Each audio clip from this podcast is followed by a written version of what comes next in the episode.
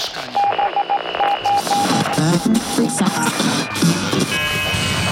Odsłuch społeczny.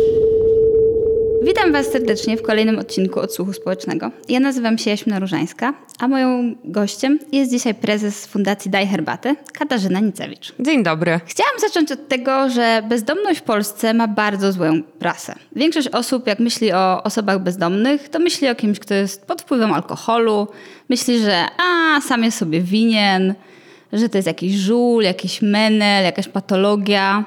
I chciałam Cię zapytać, czy to jest prawdziwy obraz bezdomności? Nie, to absolutnie nie jest prawdziwy obraz bezdomności, natomiast to jest część oblicza bezdomności, bym powiedziała.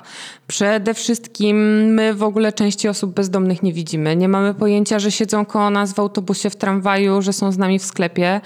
Stąd jakby też w ogóle jest, teraz się mówi, że mówimy tutaj o osobach w kryzysie bezdomności. Mówimy o tym dlatego, żeby pokazać, że jedynym wspólnym czynnikiem osób, które nie mają dachu nad głową, jest to, że nie mają dachu nad głową. Wydaje się to bardzo proste, ale tak nie jest, bo właśnie ludzie utożsamiają osoby bezdomne z osobą, która pije alkohol, która śmierdzi, która jest brudna w autobusie, która przeklina co nie jest prawdą o bezdomności. Bezdomność to jest stricte brach nad głową.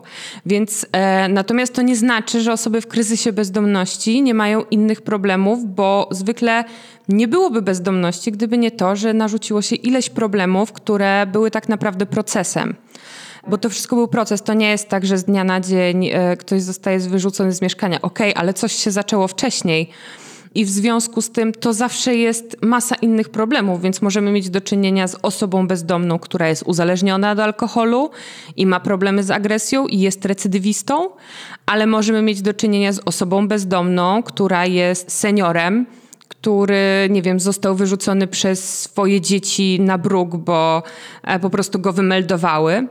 Może być to osoba, która straciła wszystko, bo źle zainwestowała więc nie możemy powiedzieć, że to są tylko i wyłącznie osoby bezdomne. Musimy też zaznaczyć, co często robię że te osoby głównie, które widzimy, to są osoby dość mocno zaburzone psychicznie. Co nie znaczy, że teraz chcę tu stygmatyzować osoby zaburzone psychicznie, bo to absolutnie nie o to chodzi i nie każda osoba z problemami psychicznymi będzie, nie wiem, chodziła po ulicy, śmierdziała czy przeklinała pod nosem, tak? Bo to też nie o to chodzi, żeby popaść w skrajność. Natomiast ja sama mam osobiste doświadczenia, że spotykam osoby wydawałoby się, że bezdomne, ale niekoniecznie, które były za, zaniedbane tak naprawdę. Widziałam je w autobusach i nie wiem, przeklinały pod nosem, mówiły coś do siebie, wyzywały ludzi. No, to są objawy tego, że człowiek ma z czymś problem. Natomiast e, dlaczego przyczepiana jest łatka, że to na pewno jest osoba bezdomna? Nie wiem, no po to jakby e, też między innymi stworzony właśnie został ten to hasło tak naprawdę bezdomność to nie wybór, że i mówi się osoba w kryzysie bezdomności, żeby po pierwsze pokazać, że do bezdomności to jest cały proces, do braku dachu nad głową. No i to, że to jest tak naprawdę tylko jeden punkt styczny i każda osoba jest indywidualna i nie da się powiedzieć o danej grupie nic innego niż tylko właśnie tego, że nie mają stałego miejsca zamieszkania. A jaki jest najczęstszy powód bezdomności w Polsce? To, co mogę powiedzieć, że zwykle powodem takim pierwotnym to są trudności, problemy, które wynikają z rodziny. Absolutnie też nie obarczając rodzin, bo te rodziny też robiły jakby wszystko, co mogły i na tyle, na ile miały zasoby, to dawały z siebie. Natomiast e, no, już biorąc, że tak powiem, na tapetę te osoby z zaburzeniami psychicznymi, tak, to te zalążki zwykle chorób psychicznych czy różnych zaburzeń pojawiają się jednak w młodym wieku. Być może ktoś nie, nie zareagował w odpowiednim momencie, być może ktoś nie zauważył tego na poziomie szkolnym. Nie mówię tu konkretnie o rodzinie, ale na przykład o edukacji, o szkole. No też wiemy, że jest bardzo trudno teraz w Polsce o dostęp do psychiatrów dziecięcych, nie ma miejsc na oddziałach. Nie, to w ogóle nie jest łatwo dostać tę pomoc. To w ogóle jest dramat. E, liczba młodych osób bezdomnych rośnie i to mówi nasza zaprzyjaźniona Fundacja Po Drugie, która zajmuje się głównie młodymi osobami e, po różnych ośrodkach czy zakładach poprawczych, ale też e, po prostu młodzieżą, która ucieka z domu przed przemocą. Myślę, że nawet niekoniecznie rodzina jest tą przyczyną, tylko środowisko, w jakim się wychowujemy, na jakich ludzi trafiamy, że to jest jakaś wypadkowa, ale też naszych sił wewnętrznych. Czy to jest wszystko tak skomplikowane, tak trudne, tak zarazem też ciekawe. Znam historię takich panów, którzy mieszkali gdzieś na głębokiej pracy w Warszawie, gdzie mieszkali z matką, e, która świadczyła usługi seksualne na ich oczach. Nic oprócz pokoju. Kąpali się w misce raz na tydzień. No i pytanie, gdzie byli sąsiedzi? No na pewno to słyszeli. Słyszeli na pewno, jak biła tego chłopca kablem po głowie, bo takie historie też są. Na pewno widzieli siniaki w szkole. Na pewno ktoś coś widział. To nie jest tak, że to, co się dzieje w rodzinie, zostaje w rodzinie, bo to po prostu widać. Tylko dlaczego ta sąsiadka, ta nauczycielka zamknęły oczy i nie widziały tej sytuacji? Więc um, ja mam takie poczucie, że przyczyną tak naprawdę jest to, że my nie widzimy drugiego człowieka. A jeżeli ktoś z naszych słuchaczy jest właśnie sąsiadem albo jest nauczycielką takiej osoby, to czy jakby jaką formę pomocy może zaproponować? Czy państwo może zaproponować? Czy gdzie to należy zgłosić? Jeżeli na przykład wiemy, że dziecko, które przychodzi do nas do szkoły, mówi nam o przemocy, która jest w rodzinie, czy widać przemoc, bo czasami widać po dziecku. To oczywiście rozmowa z rodzicami, rozmową z rodzicami, natomiast no, mamy w Polsce procedurę niebieskiej karty, którą się po prostu uruchamia. Jeżeli jesteśmy sąsiadami, to po prostu dzwonimy po policję. Policja powinna też założyć niebieską kartę, jak przyjedzie do domu. Też czasami jest tak, że przyjeżdża, nie zakłada za pierwszym razem niebieskiej karty, ale to przyjedzie drugi, trzeci raz, może założy niebieską kartę. Może nawet jeżeli funkcjonariusz nie będzie przekonany, to wejdzie tam z kolei pracownik socjalny, który będzie bardzo zaangażowany. No my tego nie wiemy, natomiast wiemy, że jeżeli zostawimy tę sytuację, to raczej małe są szanse, że ktoś nie wyjdzie z traumą tak naprawdę z tego domu. Po prostu obserwujmy to, co jest dookoła i reagujmy, bo myślę, że w tej kwestii nie ma czegoś takiego jak nadgorliwość, bo wiem, że ludzie czasami patrzą na te kraje skandynawskie, że nie wiem, dziecko ma zadrapanie na twarzy i już zabierają dzieci do placówki. No to u nas tak to nie działa. To, to nie działa w ten sposób, że od razu zabieramy dzieci do placówki i po prostu wszystkie dzieci są zabierane, które na przykład w rodzinach jest kurator czy pracownik socjalny. To jest nieprawda. Z rodzinami się wiele lat pracuje, więc... Yy, ja myślę, że trzeba próbować, że trzeba po prostu reagować i próbować. Okej. Okay. Jaka jest skala problemu bezdomności w Polsce? Bo znalazłam takie statystyki, że to podobno jest 30 tysięcy osób.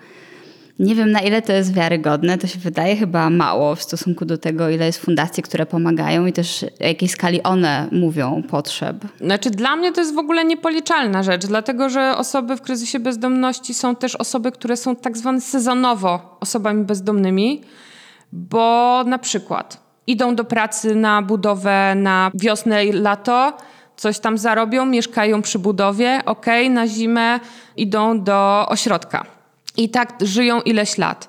Są osoby, które żyją na ulicy, idą do zakładu karnego, żyją na ulicy, idą do zakładu karnego.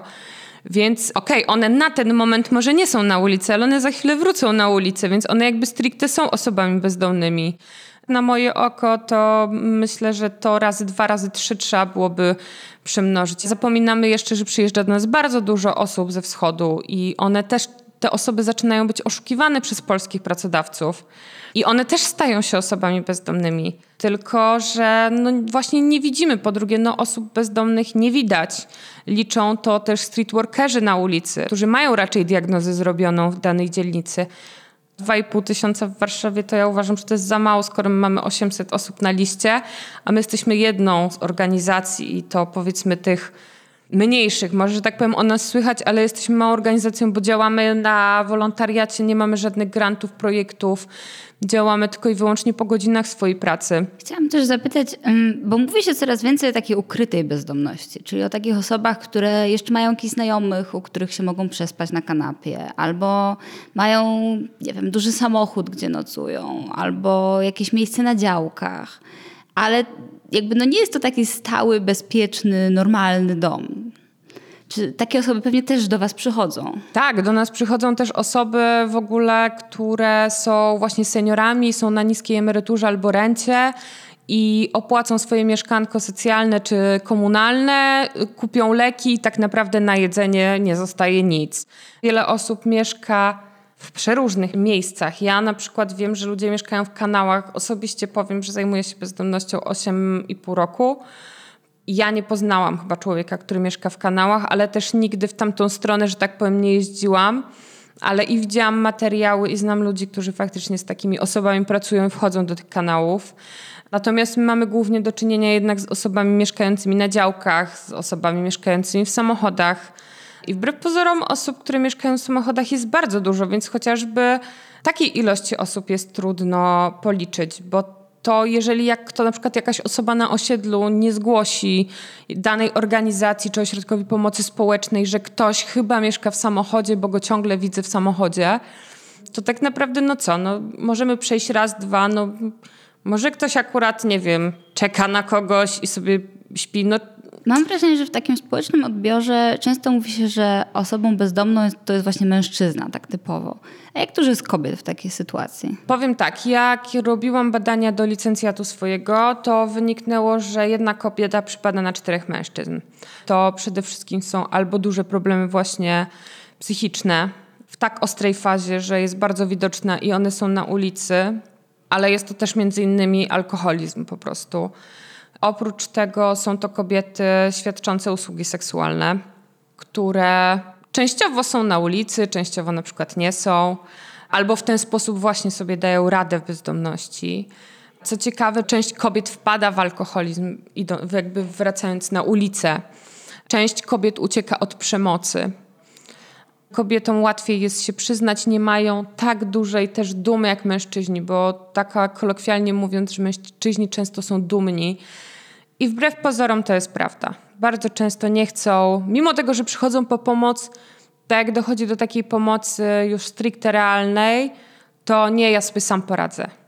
Po czym za jakiś czas na przykład wracają i mówią, wiesz co, chyba jednak potrzebuję tej pomocy. Ale to musi się zmierzyć ze sobą i skonfrontować z tym, że być może jest coś ważniejszego niż duma i może warto sobie pomóc, a dumę schować do kieszeni. Odsłuch społeczny.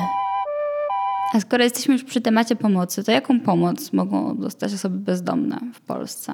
Może zacznijmy od takiej pomocy y, oferowanej przez państwo. To oczywiście mogą wystąpić o mieszkanie socjalne bądź komunalne. Ale też wiemy, że tych mieszkań brakuje. Tak, mieszkań cały czas brakuje. Natomiast właśnie teraz w Warszawie ruszył program Housing First. To jest projekt, który od 20 lat albo nawet ponad bo ten projekt był na początku lat 90., czyli jak ja jeszcze raczkowałam, to w Stanach Zjednoczonych ten projekt też raczkował.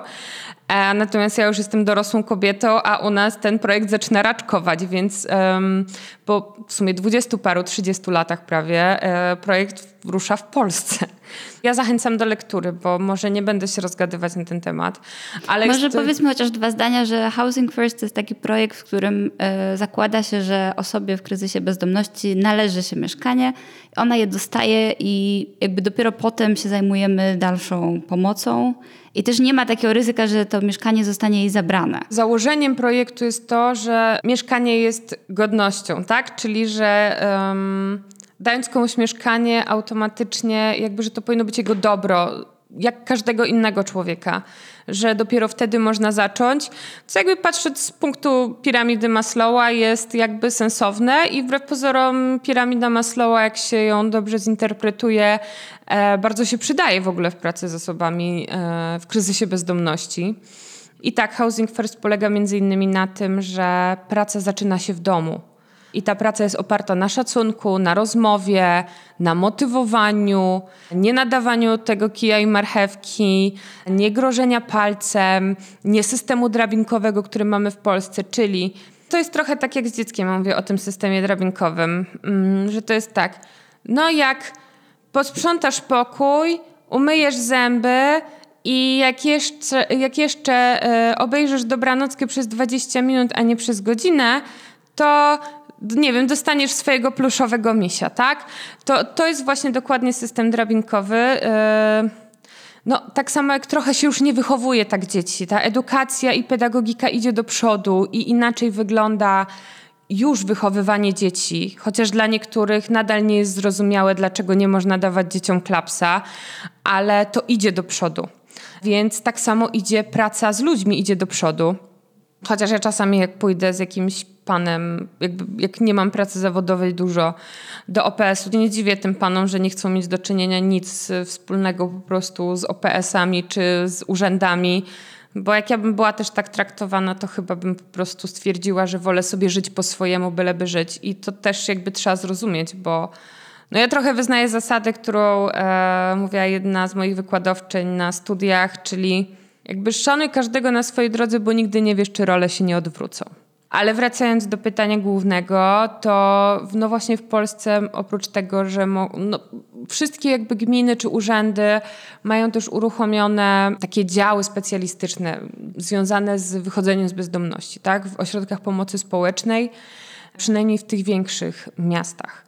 Ale tak naprawdę główną robotę robią organizacje pozarządowe, bo wprowadzają innowacje, właśnie zaczyny, szkolą się, mają chęć, robią to, co kochają.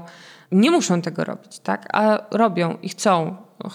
Zostają po godzinach swojej pracy, jeżdżą, załatwiają. Ja zachęcam do takiej lektury, można ją bodajże sobie ściągnąć. To jest model gminny wychodzenia z bezdomności to w Trójmieście dosyć prężnie działa i oni stworzyli taki, między innymi stworzyli taki model i tam jest opisane tak naprawdę o formach pomocy, bo jest ich wbrew pozorom sporo, aczkolwiek i tak jeszcze za mało, bo tych problemów jest cała masa. Ale to, co jest na pewno w Polsce, no to są ośrodki interwencji kryzysowej. Tak? Teoretycznie powinny być to ośrodki dla osób w jakimś kryzysie, chociażby psychicznym czy mieszkaniowym no to są też takie miejsca jakby pośrednie, które nie są stricte w systemie, ale też wychwytują te osoby, które być może za chwilę będą osobami bezdomnymi. Bo w ogóle z tego co rozumiem, to można by podzielić tą pomoc na właśnie taką pomoc kryzysową, taką jak y, noclegownie czy domy samotnej matki, gdzie przynajmniej teoretycznie taka osoba powinna być krótko a potem powinna dostać taką pomoc już bardziej długoterminową, właśnie na przykład jak mieszkanie komunalne. Tak, ale no też jest w ten sposób, że w ośrodkach na przykład na traktorzystów jest tak, że załatwia się bardzo często, oni po prostu non-stop piszą o te mieszkania, czy e, część panu przechodzi przez mieszkanie treningowe. I czasami jest tak, że no, pan już by spokojnie mógł, nie wiem, od roku nie być w ośrodku, tylko w mieszkaniu, bo faktycznie ten kryzys był na przykład krótki, znaczy to był kryzys po prostu, to nie było coś chronicznego. I może tak naprawdę już pójść na swoje, po czym czeka i czeka. Aczkolwiek i tak to czekanie na mieszkanie w Warszawie na ten moment jest krótsze niż było. A jak jeszcze właśnie osoba zdecyduje się na podpisanie programu wychodzenia z bezdomności, to ten okres powinien być jeszcze krótszy.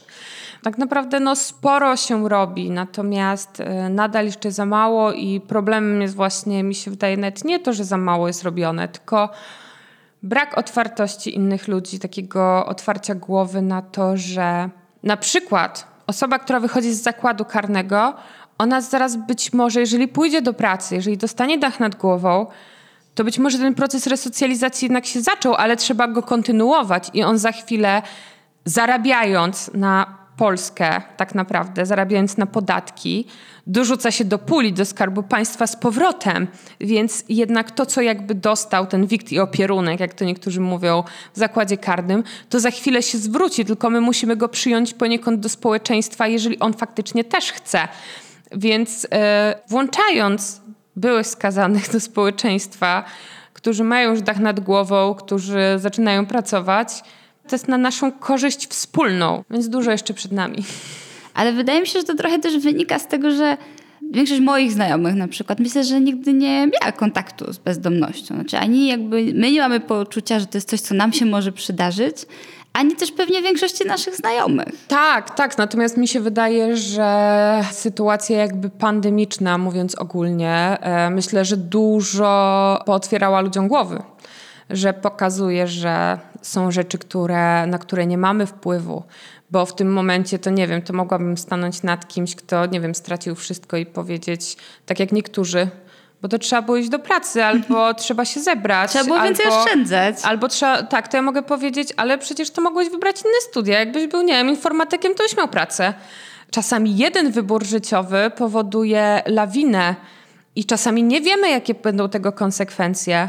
Sytuacja pandemii tak naprawdę pokazuje ludziom, że to nie jest tak, że my chcemy po prostu, nie wiem, dążyć do bezdomności, że ktoś chciał wyjść na ulicę i na niej mieszkać, tylko właśnie, no może wyszedł nie z takiego domu, gdzie nie dostał odpowiednich zasobów, nie dostał ciepła, nie dostał wsparcia.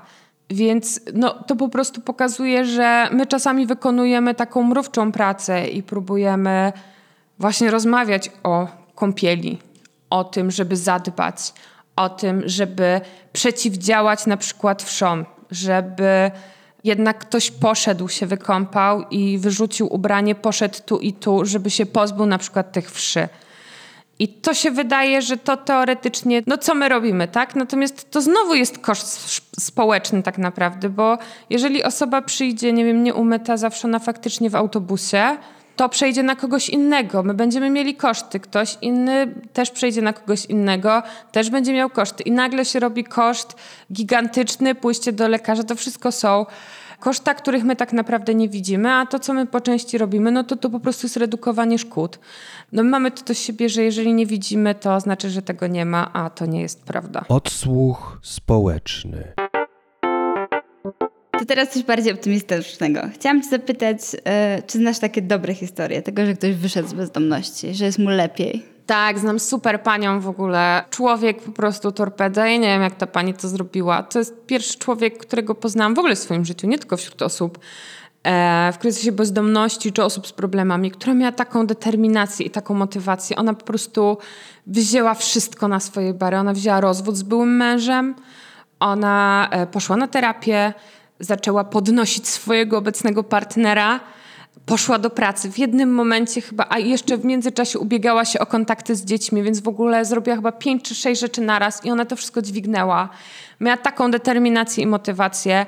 A jej historia to jest historia, która po prostu opada szczęka, bo pani tak naprawdę była w związku z osobą ze swojej rodziny, gdzie jakiś tam wujek i tak dalej wziął ją za żonę. Jeszcze wcześniej ją zgwałcił, e, a później ją wysłał do pracy jako prostytutkę. No to, to ja opowiadam tak naprawdę w tym momencie historię w bardzo dużym skrócie. To jest historia mrożąca krew w żyłach. Pamiętam, jak pani kiedyś opowiadała na wykładzie z okazji Dnia Ludzi Bezdomnych. To po prostu no, studentki płakały, a moje wykładowczynie siedziały po prostu z otwartą buzią i nie wiedziały, co mają powiedzieć. No to jest taka historia, włącznie z tym, że po prostu studenci też pytali, co najgorszego w życiu robiła, świadcząc usługi seksualne. I ona to powiedziała, i to po prostu to była cisza przez kolejne pięć minut. E, pani przeżyła gigantyczny hardcore, tak naprawdę, mówiąc też już kolokwialnie. Ale co jest ciekawe, ona uważa, że dzięki bezdomności zaczęło się jej nowe życie. Że to był jej początek do czegoś nowego. W tym momencie pracuje tym momencie ma psa, ma e, faceta, z którym jest szczęśliwa jest ileś lat, wynajmują kawalerkę dalej. E, wcześniej tam mieszkali na skłocie przez jakiś czas jeszcze, jak ona pracowała już normalnie, ale teraz wszystko jest po prostu dobrze, ale to po prostu była praca i jej gigantyczna determinacja. To po prostu jest coś niebywałego i lata to trwało, bo to trwało, to był proces. To trwało około czterech lat, jak postawiła się na nogi od momentu pójście, że tak powiem, na ulicę, bo to też był taki punkt, że, że ona chciała skończyć życie, ale trafiła na osobę bezdomną, która zapytała się jej, czy chce się iść gdzieś tam przespać, tak? bo może czegoś potrzebuje. Ona powiedziała, że nie chce żyć i jeszcze raz ta osoba zapytała, czy może chce iść się jednak przespać. No i tak przespała tam chyba ze dwa dni i, i, tak naprawdę weszła w inne, nowe życie, które, tak jak mówi, do tej pory był, było dla niej nowym początkiem taki start od zera totalny, więc, więc można. A opowiedz nam jeszcze trochę o swojej fundacji, o Daj Herbatę. Skąd ten pomysł? No pracowałam na dworcu centralnym 8,5 roku temu. I, I była zima, ja wychodziłam na zewnątrz się przewietrzyć. I, I takim pierwszym strzałem to było to, że podchodzi do mnie pan, ja już mu daję tego papierosa, żeby się na zasadzie odczepił, tak? A on ale ja nie chcę papierosa, ja nie chcę pieniędzy ja chcę się napić czegoś ciepłego. Ale tak, mm? To był pierwszy taki, yy, taki moment, gdzie sobie pomyślałam, kurde, ale jest w sumie minus 15 stopni. Dlaczego nie ma takiego miejsca, w którym można się napić czegoś ciepłego? No przecież to jest takie nieludzkie. No i po kilku razach tam poznawałam tych panów różnych i stwierdziłam, że założę wydarzenie na jednym z portali społecznościowych. Ja mówię, nie, no nie nazwę tego pomóżmy osobom bezdomnym podczas zimy, bo ja mówię, nikt nie pomoże, bo nikt nie chce pomagać osobom bezdomnym. No i tak kombinowałam, kombinowałam i ja mówię, to może daj herbatę. No i wydarzenie tak się nazwało, Daj herbatę. Skrzyknęło różnych ludzi z zewnątrz. Ja w ogóle chciałam to zrobić jednorazowo. się zawsze śmieję, że ja na początku obstawałam za tym, żeby to zrobić jeden, dwa razy. A to inni w ogóle mówili, ej, ale to róbmy to regularnie. Mówię, no dobra, no, no i z tego, no dobra, okej, okay, no niech tak będzie, to no, no jesteśmy na dworcu 8,5 roku, tak, więc... Yy, więc tak to się potoczyło, były różne fazy. Ja miałam kilka takich też e, kryzysów. Później po 3,5 roku powstała fundacja po takiej nieformalnej grupie. No i w tym roku będzie za chwilę 5 lat, jak jesteśmy fundacją. I co robicie jako fundacja? Na ten moment, e, no to jeździmy na dworzec centralny co poniedziałek i jeździmy z e, zupą albo daniem jednogarnkowym. Wozimy paczki z ubraniami co dwa tygodnie i są właśnie zapisy w jakiś sposób też weryfikujemy ilość rzeczy, którą wydajemy. No, są osoby, które, nie wiem, no, biorą dużo, tak? Bo, nie wiem, albo chomikują, że tak powiem, albo no, też gdzieś sprzedają. No, tego nie unikniemy. Zawsze się znajdzie ktoś, kto kombinuje, nawet... Ale nie możemy zakładać, że ludzie do nas oszukiwać, bo tak to, to w ogóle nic nie ma sensu. Ale oprócz tych ubrań to wydajemy jeszcze środki właśnie higieny. Oprócz tego działamy też interwencyjnie na zasadzie, jeżeli trzeba kogoś umieścić w jakiejś placówce, no to dzwonimy do danej placówki i po prostu słuchaj, czy masz miejsce, tak? E, do jednego tam z dyrektorów, czy kogoś, czy e, przekazujemy informacje, gdzie można się wykąpać. Ale są też osoby, które po prostu prowadzimy jakby przez jakąś tam ścieżkę. Robimy to w ograniczonej ilości, bo no po prostu wszyscy pracujemy zawodowo gdzie indziej, aczkolwiek mam nadzieję, że jeszcze w tym roku częściowo to się zmieni i zaczniemy robić to, co chcemy, czyli stworzyć e, świetlice dla osób w kryzysie bezdomności, żeby mogły się rozwijać kulturalnie i być po prostu, no po prostu móc być i móc porozmawiać. A co jest najbardziej satysfakcjonujące w pracy z takimi osobami? Co ci daje siłę przez te 8 lat?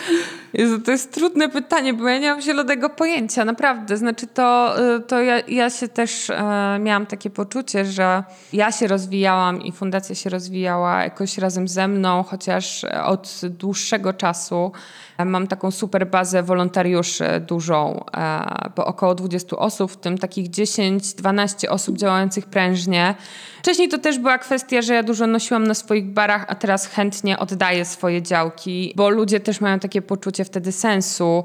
Oczywiście staram się nie obciążać, bo, bo to nie o to chodzi, żeby też z siebie przerzucać, ale rozmawiać o tym. No teraz mam taki napęd, bo faktycznie wiem, czego chcę, co, co chcę robić z panami i że nie wyobrażam sobie inaczej. I ten okres pandemii też pokazał, jak pojechałam między innymi na działki z drugim wolontariuszem. W myślę, Boże, jak ja kocham jeździć z tego syfu na te działki. W sensie, ja naprawdę lubię tam być, bo ja mam takie poczucie, że w jakiś sposób oni mnie zapraszają do siebie. Więc mimo tego, że tam jest... Syf, bo jest tam syf. Dla przeciętnego człowieka to jest zderzenie z rzeczywistością niesamowite i część wolontariuszy, którzy, którzy jeżdżą pierwszy raz na te działki, to jest po prostu, słuchaj, ja muszę odpocząć przez jeden dzień, ja muszę to przetrawić, okej. Okay. A ja mówię, dobra, to jak coś, to to przegadamy. Natomiast ja to lubię, ja lubię tam e, do nich jeździć, rozmawiać i, i to są takie momenty, kiedy sobie myślę, to, to, to jest to, co chcę robić, to, to ma sens i wiem, że dla nich to ma sens. No, chociażby to że właśnie przyjeżdżamy na te działki, jeden z panów nam mówi, no bo my dzisiaj, bo ja dzisiaj jadę do medyków na ulicy, będę im pomagał jako wolontariusz, bo medycy są też w poniedziałki i piątki, tak jak my na dworcu i oni opatrunki robią i też są od prawie, chyba od 10 lat z tego co pamiętam na dworcu. I jeden z panów właśnie nam się chwalił, pokazał swoją apteczkę i w ogóle. I, I to, że on może przyjść się pochwalić i tak podbudować nawet siebie swoje poczucie wartości, to naprawdę ma sens. Ja szukam takich małych rzeczy. Każdy kontakt z człowiekiem, każde doświadczenie po prostu buduje, a być może czasami jedna rozmowa zmienia wszystko. Zwykła rozmowa. Jedno doświadczenie naprawdę potrafi zdziałać cuda o czym się przekonałam, bo jeden z panów, e, budowaliśmy relacje z nim trzy lata, to było na zasadzie, a, jak tam pogoda, spoko, a jak tam sytuacja w kraju, hmm, spoko. No i tak sobie gadaliśmy takie pitu-pitu, po czym poczułam taką gotowość po kilku latach u niego do rozmowy i zapytałam, czy czegoś od nas nie potrzebuje i wtedy się otworzył i zaczął mówić o swoich lękach, o tym, że ma problem ze wstaniem, że dostaje ataków paniki, I wystarczyły dwie rozmowy i pan sam z siebie, bo sam nie miał motywacji, ale sam z siebie zadzwonił i powiedział, jestem na oddziale zamkniętym w zakładzie psychiatrycznym. Czasami pokazuje, że jedna rozmowa, że to budowanie relacji to jest najważniejsze i najcenniejsza rzecz i że to ma sens i to, to chyba jest to po prostu. Jak to mówi jedna z moich koleżanek po fachu, e, że wszyscy się śmieją z niej, że jej e, płacą za gadanie. Tylko, że no to gadanie też ma swoje konsekwencje dla nas. Później wracamy do domu z jakimś ciężarem jednak. Ale tak, może dlatego, że ja też lubię gadać i może właśnie dlatego to mnie napędza, więc... To powiedz nam jeszcze na koniec, jak można Wam pomóc? Jak można się włączyć w działania fundacji? Znaczy tych działań jest w sumie sporo. Oczywiście od takich prostych typu wsparcie finansowe, bo to jest wiecznie, na przykład ostatnio kupowałem, teraz... Yy, wiecznie kupujemy buty. No, to są gigantyczne koszty, bo niestety buty, z butami jest tak, że zwykle ludzie noszą do znoszenia buty albo oddają takie w bardzo średnim stanie, a my nie chcemy dawać ze względu właśnie na poczucie takiej godności i takie, żeby ktoś poczuł, że te buty są chociażby jego, a nie jakieś takie dziurawe, byle jakie. To kupujemy buty i na to schodzą gigantyczne pieniądze.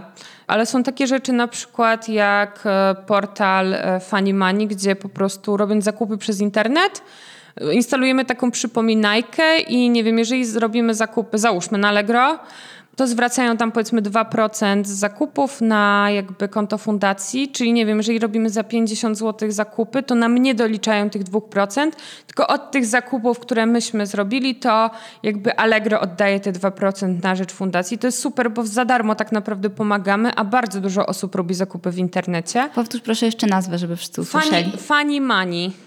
Na ten moment no, nie poszukujemy wolontariuszy, bo jest nas sporo. Chociaż czasami osoba z samochodem się przydaje, bo no, różnie, no, nasze samochody też się po prostu psują. Więc jeżeli ktoś jest mobilny, jest z Warszawy, to może się ewentualnie zgłosić.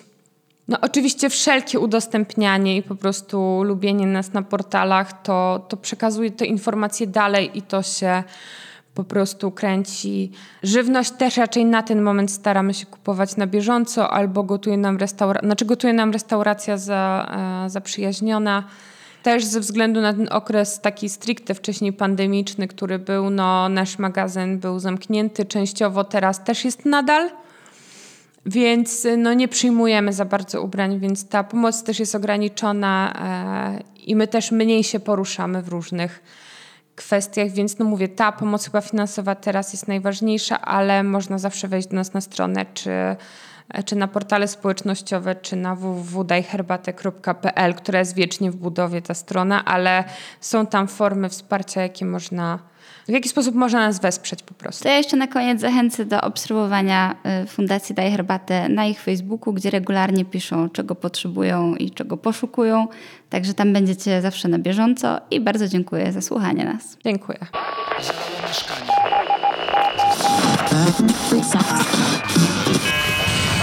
Odsłuch społeczny.